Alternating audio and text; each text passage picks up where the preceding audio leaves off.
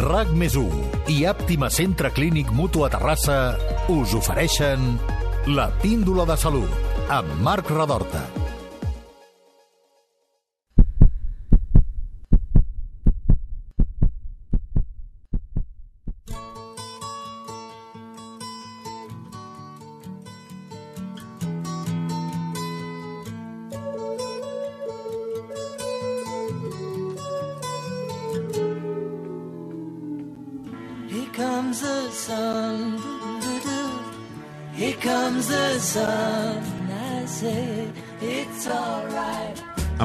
Del bon temps ens agrada exposar més el nostre cos, però hem d'admetre que no sempre està en les millors de les condicions. Avui ens fixem en la capa més externa i visible de les persones, en la pell. La pell és un teixit resistent i flexible, que actua com a capa protectora dels nostres organismes interns i que evita la pèrdua excessiva d'aigua. Sense pell no podríem viure i, per tant, hem de conèixer-la i cuidar-la més del que ho fem. Per descomptat, tenim a l'abast molts productes, però sovint ens falta aquell consell professional que ens pot ajudar a tenir un aspecte òptim i el que encara és més important, a tenir una pell saludable. Amb la píndola d'avui resoldrem aquesta mancança. Descobrirem quines coses podem fer per tenir la pell en les millors condicions i com la medicina estètica pot ajudar-nos a estar i a sentir-nos millor. I ho farem amb Dori Rubia. Ella és cirurgiana plàstica i especialista en medicina estètica d'Àptima Centre Clínic. Doctora, benvinguda a la píndola salut. Moltes gràcies. Um, està d'acord amb la idea que la pell la donem una mica per descomptada, que no la cuidem prou si no apareix algun problema visible? pues no, la veritat és que actualment no, no estic d'acord amb, aquesta, amb aquesta frase perquè hi ha una major sensibilitat de, de la gent sobre els cuidados de la pell, sobretot des del punt de vista de protecció solar i a més a més pues, la, les persones acudeixen d'una manera doncs, bastant freqüent en els centres d'estètica per ser aconsellats per les esteticients, diguéssim, que en aquest país doncs, tenim unes esteticients molt ben formades, com a les consultes de medicina estètica com la nostra. Anem a parlar una mica dels tipus de pell que hi ha. Entenc que no tothom té el mateix tipus de pell, que deuen d'haver-hi mm, variants, eh, bastantes. Eh, quines diferències hi ha? Vale. Eh, els tipus de pell es classifiquen segons el, una classificació de Fitzpatrick. És una gran classificació que divideix la pell en sis fototipos. Tenim el fototipus 1, que són les pells més clares, eh? les pells més blanquetes inclús són persones con normalment pels rotlles, i tenim el fototipus 6, que són les pells, diguem, de, de raça negra. Llavors, aquests fototipus venen determinats per l'assimilació de la radiació solar, per la capacitat de la nostra pell per assimilar aquesta radiació i per la base, la quantitat de melanina, de, de pigment que tenim a la nostra pell de base. I llavors això també determina doncs, més coses. Per exemple, el fototipus 1 són pells que mai es broncellen, que sempre es cremen, i el fototipus 5 doncs, és el contrari. I a més a més, doncs, per exemple, el fototipus 1 ha ser unes pells que són molt més fines, normalment de joves són pells que són molt maques, perquè són com de porcellana, i en canvi el fototipus 6 doncs, són pells doncs, que són, tenen un gruix més gran gran, però són pels que són molt més resistents. No surten taques i surten menys arrugues. Per tant, eh, la pell de la, de, del grup 1, diríem, necessita molta més molta cura més cuidados. que no pas la del, la del... Com en diu? Foto? Fototipus. Fototipus, del, foto, del fototipus 6. Correcte. Molt bé. Um, quins són els factors que, que, que afavoreixen una bona pell? Doncs, com ja he mencionat, lligant amb la pregunta anterior, el factor més important és la genètica. Això no ho podem variar. Eh? Tenim el fototipus que tenim eh? i això no es pot canviar. Després tenim els cuidados que podem fer de la nostra pell i sobretot també l'estil de vida. Eh? El dormir, l'alimentació, tot això influeix a tenir una pell de millor aspecte o no. I després també doncs, els tractaments que podem fer sobre aquesta pell. I ja d'aquí parlaríem doncs, llavors dels tractaments de medicina estètica. Eh, centrem-nos una mica un moment en el tema dels estils de vida. Eh, fi, uh mhm. -huh. Fins a quin punt la nostra alimentació, el que consumim, afecta la pell? Perquè tots els metges ens diuen que un estil de vida saludable és uh, altament recomanable per pràcticament prevenir un munt de malalties. Que mhm. Jo crec que totes, les que hem fet aquí, sí. un, una píndola de salut. En la pell també? També. Eh? Sembla mentida, però és així. O sigui, cada vegada es coneixen més factors i l'alimentació és un factor d'aquestos que influeixen en l'aspecte de la nostra pell. Llavors està ja conegut i està demostrat que els aliments que són molt rics en sucres, aliments ultraprocessats, com poden ser la bolleria industrial, augmenten, fan pics importants de sucre a nivell de la sang i això fa que aquesta sucre a nivell de la dermis produeixi un, un fenomen, un efecte que es diu la glicació, que és que el sucre s'uneix a les cadenes de proteïnes de les fibres elàstiques i les fibres de col·làgen i les destrueixen. Eh? Llavors, eh, podem dir doncs, que la gent que abusa doncs, d'aquests doncs, aliments ultraprocessats envelliran abans.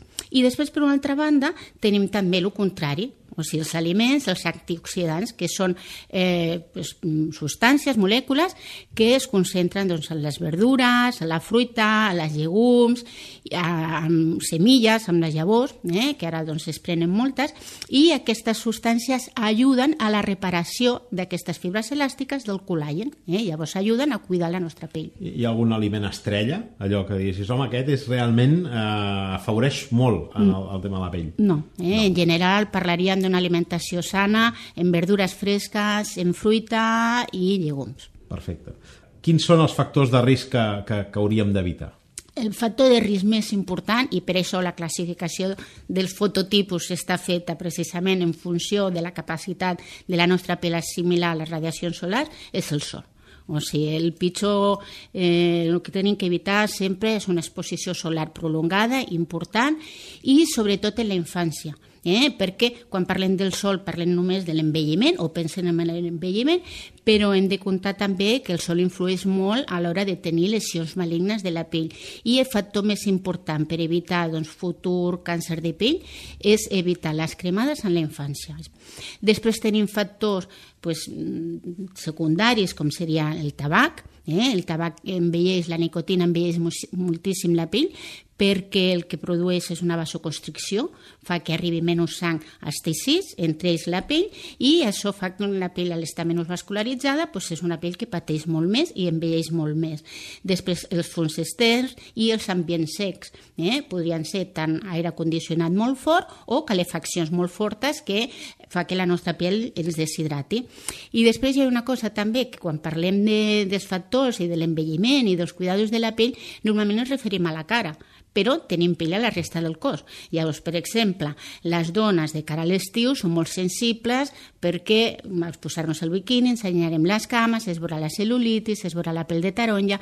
Llavors, el tabac també influeix molt per evitar la cel·lulitis, per exemple, l'alimentació, com hem comentat, i després evitar les robes ajustades.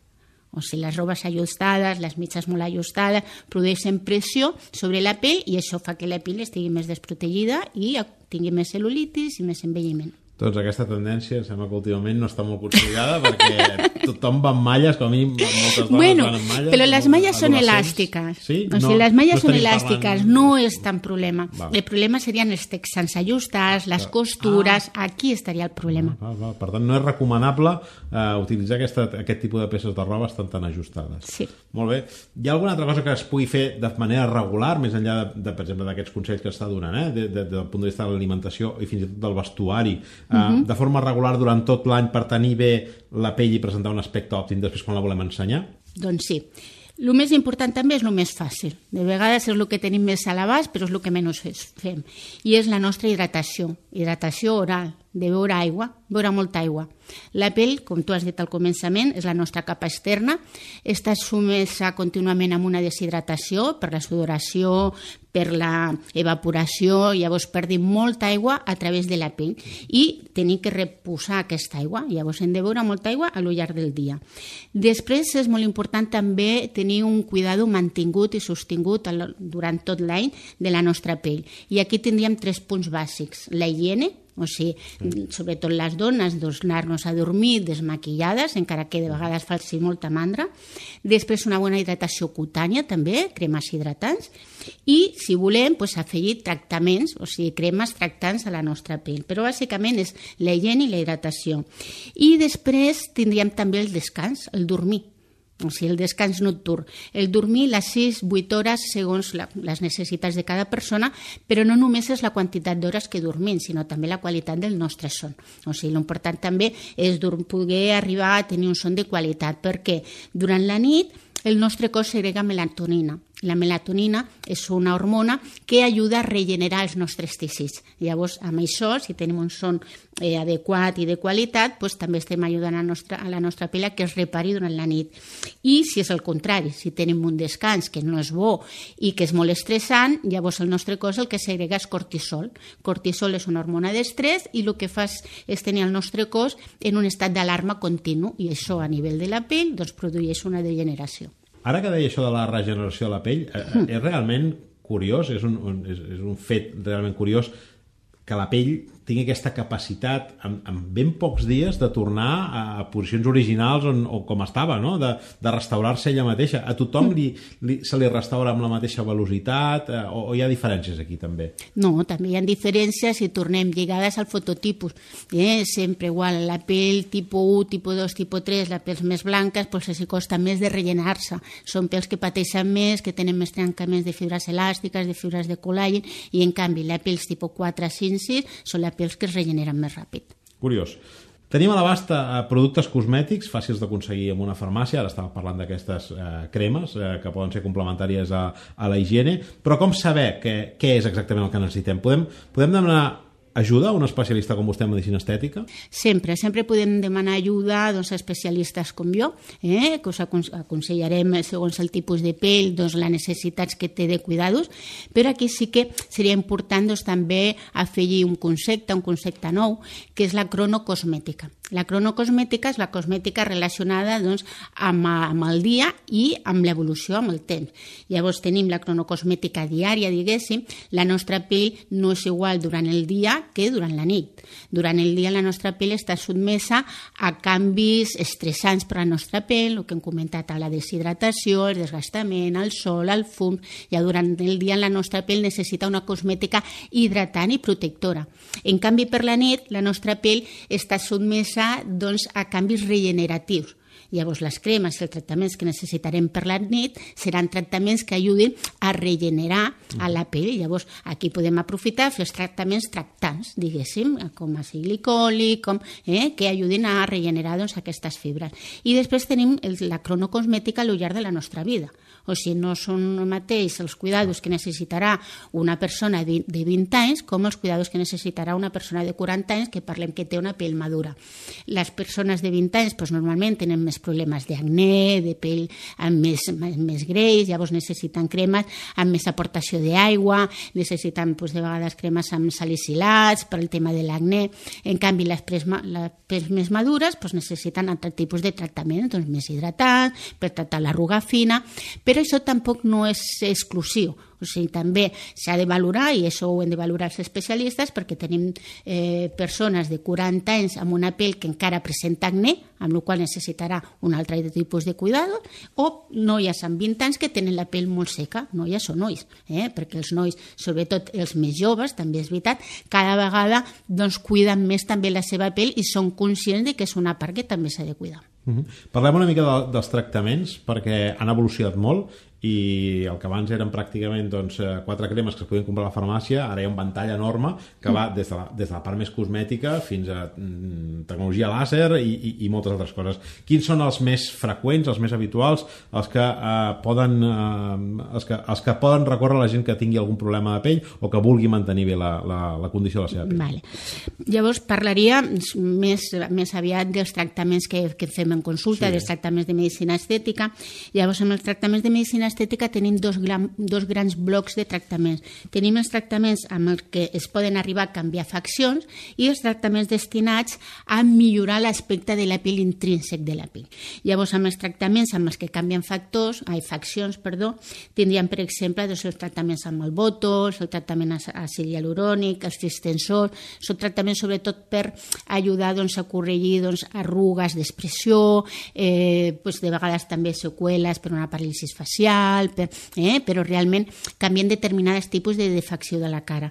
I després tenim els tractaments que no canvien faccions, sinó que, pues això, millorem intrínsecament la pell. Aquests tractaments tindríem pues, els que és millor fer-los a l'hivern, eh, que consistirien en làser de taques. Eh, una pell sense taques serà una pell sempre que es veurà molt més sana i, a més a més, amb el làser de taques eliminem lesions premalignes, eliminem queratosis, eliminem lesions que es podrien fer en un futur pues, transformant un càncer de la pell. O sigui que realment estem, estem parlant d'un tractament mèdic. Després també teníem el dermarollers, els peelings, que són eh, com un llimat superficial de la pell i ajuda que aquesta pell es regeneri.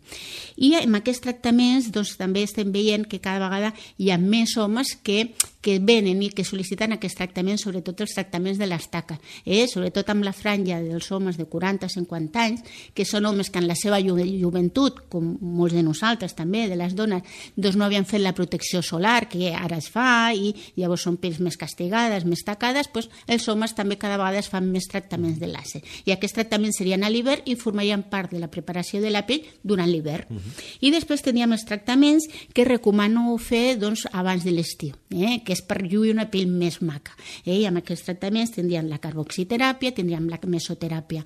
Amb la carboxiteràpia el que fem són unes punxades a la pell, provoquem una vasodilatació fent que arriba més sang a la pell, això estimula el metabolisme celular i fa que les cèl·lules sintetitzin més fibres elàstiques, més fibres de col·làgen i fa que la pell doncs, es vegi més, més maca, més tonificada, més hidratada i la mesoteràpia seria un compliment amb el que estem posant aminoàcids i proteïnes directament a la pell perquè aquestes cèl·lules puguin eh, regenerar-se també més ràpid.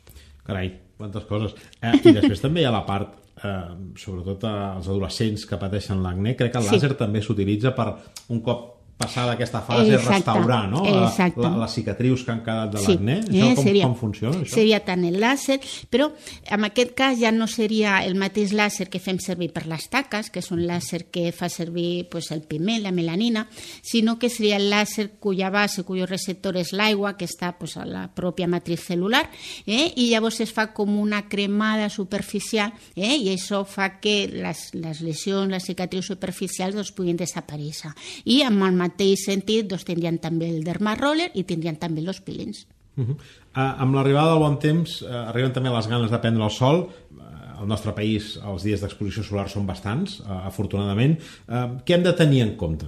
Hem de tenir en compte, el més important, protegir els nens o sigui, les cremades d'un nen en, en la infància eh, és el que augmenta el risc de patir un melanoma, un, un càncer de pell en el futur. Eh? Llavors, el més important és protegir els nens de les cremades solars. Fins a quina edat estaríem parlant, sobretot? 15 pues anys, 14, 15 anys? 15-16 anys, 15, eh? anys. seria l'edat més, més delicada. Després és important protegir-nos del sol i fer una protecció solar amb els protectors diària, no només quan anem a la platja o quan anem a la muntanya, o sigui, quan anem a fer un passeig, quan anem a fer un aperitiu, quan estem fent una paella en una terrassa, ens està donant el sol i d'aquí moltes vegades ens acabem cremant. Llavors, és molt important fer una protecció solar diària. Evidentment, segons el dia a dia de cadascú, la protecció tindrà que ser més forta o no tan forta. Si no, tu no treballes a l'exterior, doncs amb una protecció diària, amb un factor 20 seria suficient. Si treballes amb l'exterior, eh, llavors tindríem que protegir-nos exactament igual que si anéssim a la platja i protegir totes les nostres zones exposades, no només la cara, la cara, l'escot, les mans, o sigui, totes les zones. Després, quan ja comencem a anar a la platja o a fer ja les exposicions solars més prolongades, pues, sobretot tenir en compte que aquestes han de ser progressives i graduals. O sigui, començar per una exposició d'una hora, com a molt, i després, si volem, a partir d'aquí d'anar anar allargant. I evitar les hores de, del migdia, que són les hores on el sol incideix amb més potència, diguéssim. I després tindríem també un apartat que és la nutricosmètica és la cosmètica oral. Eh? I en aquest apartat doncs, sí que tindríem, doncs, per exemple, els antioxidants, els betacarotenos orals, eh? que ens ajuda a protegir-nos molt del sol eh? per, per evitar les cremades. També ho podríem fer amb la dieta, menjant pues, pastanagues i eh, aliments rics en betacarotenos, però clar, mai aconseguim les mateixes dosis que amb aquesta nutricosmètica. Eh, podríem traslladar la idea de que posar-se moreno o morena no és bona idea per la pell? O no? No és bona idea cremar-se. Broncellar-se i posar-se moreno, si ho fas d'una manera gradual, progressiva, amb la protecció solar adequada, no és dolent. El que és dolent és cremar-se. El que sí que queda clar és que quan més blanca sigui la pell d'origen, Més més en de compte s'ha d'anar, més factor de protecció, menys exposició solar. De fet, diuen que el sol bo és el de l'hivern, no? Mhm. Sí, sí. Diríem per nosaltres, aquí on estem vivint, Mhm. I, eh, i en tot cas eh, hem d'aconseguir que aquest estiu, eh, que el sol de l'estiu s'assembli al de l'hivern amb aquestes capes de protecció. Exacte. Molt bé, um, finalment, ja una mica per acabar, um, com podem detectar una lesió a la pell i com podem saber si és, eh, si és dolenta, si és nociva? Molt bé. Aquí tenim, podríem tenir un recordatori, eh, que sí. és el A, B, C, D, E. Llavors, A, asimetria. Asimetria vol dir que els lunars que no són dolents, que Les són pigues, bons, les entenguem, pigues, normalment són simètriques. Eh? Val. Després, B, els bordes. Normalment, els, les pigues que no són dolentes tenen uns bordes regulars. Després tindríem el color, la C de color. Les pigues no dolentes, normalment el color és un color uniforme. La D seria el diàmetre. Les, les pigues no dolentes normalment doncs, tenen un diàmetre màxim al voltant de 6 mil·límetres, un centímetre. I per últim la E, evolució. Segons l'evolució podem detectar si algun de, alguna de les nostres pigues s'ha fet dolenta. L'evolució què vol dir? Respecte a la A, que una piga es comenci a fer asimètrica, comenci a canviar de forma, que els bordes comencin a ser irregulars, que el color comenci a ser diferent, a, a agafar diferents tonos de marrons, per exemple, que es comenci a fer més gran. Llavors, amb aquestes, eh, amb aquestes dades eh, és quan podríem sospitar que una lesió s'està fent dolenta i és quan tindríem que consultar. A part de que el convenient seria fer un control anual o amb dermatòleg o amb cirurgia plàstic per controlar les nostres pigues. I sobretot tenir una cosa en compte, que una piga es pot fer dolenta, o sigui, pot néixer ja dolenta, o una piga, aquella que tenien de tota la vida, que és que l'ha tingut sempre, també es pot fer dolenta. Eh? Llavors, amb qualsevol d'aquells canvis tindrien que consultar. S'han de controlar, perquè a més a més les pigues van apareixent amb l'edat, és a Sí. dir, normalment... Els nens normalment neixen sense poques, pigues, eh? I, Som... i, i, i de grans eh, en podem Es tenir bastantes, i això, això no ho podem canviar, No. això serà així, no? Exacte. Molt bé, doncs si li sembla, eh, li agraeixo molt les explicacions eh, tècniques eh, que ens ha donat eh, i tots els consells. Resumim una mica tot el que hem dit perquè la gent li quedi una mica clar eh, els, els conceptes. Bàsicament, les pells es poden classificar en sis graus diferents, de més blanca a més fosca, quan més blanca més delicada i més prima, i quan més fosca més resistent, i per tant més difícil de fer-li mal en aquesta pell. Eh, els factors de risc n'hi ha alguns que els podem controlar i altres que no. Els que es poden controlar tenen a veure amb l'alimentació, amb la son, amb la part, diríem, de fumar, dels tòxics, eh?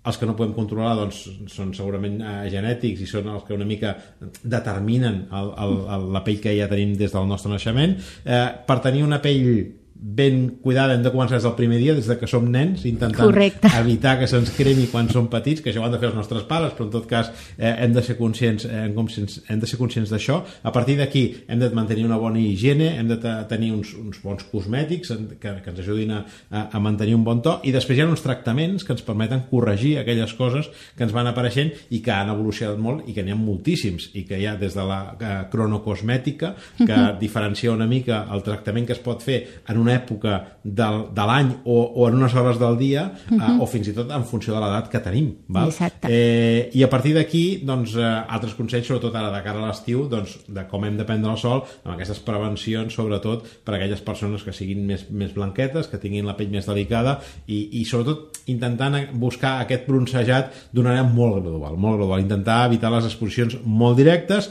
i que hem acabat parlant una mica de com detectar aquestes lesions de pell que bàsicament són les pigues, el que estaríem parlant aquí, i de eh, com detectar-les amb aquest ABCDE que bàsicament jo em quedo amb la E, que és aquest canvi, Evolució. aquesta Els evolució, que és aquest resta canvi en les pigues, no? que si canvien de forma, si canvien de tamany, si canvien de color, doncs tot això és el que hem de tenir en compte i si ho detectem hem d'anar al metge perquè, perquè la valori. Més o menys seria això, no?, el que hem dit? Correcte. Molt bé, doncs, eh, doctora Dori Rubia, li agraeixo molt que hagi vingut i que ens hagi posat a punt eh, per l'estiu, eh, sobretot a, a la pell, tant d'homes com de dones, i esperem un altre dia a parlar de- d'altres temes eh, vinculats amb la, amb la medicina estètica. Moltes gràcies. RAC més 1 i Àptima Centre Clínic Mutu a Terrassa us han ofert la píndola de salut amb Marc Radorta.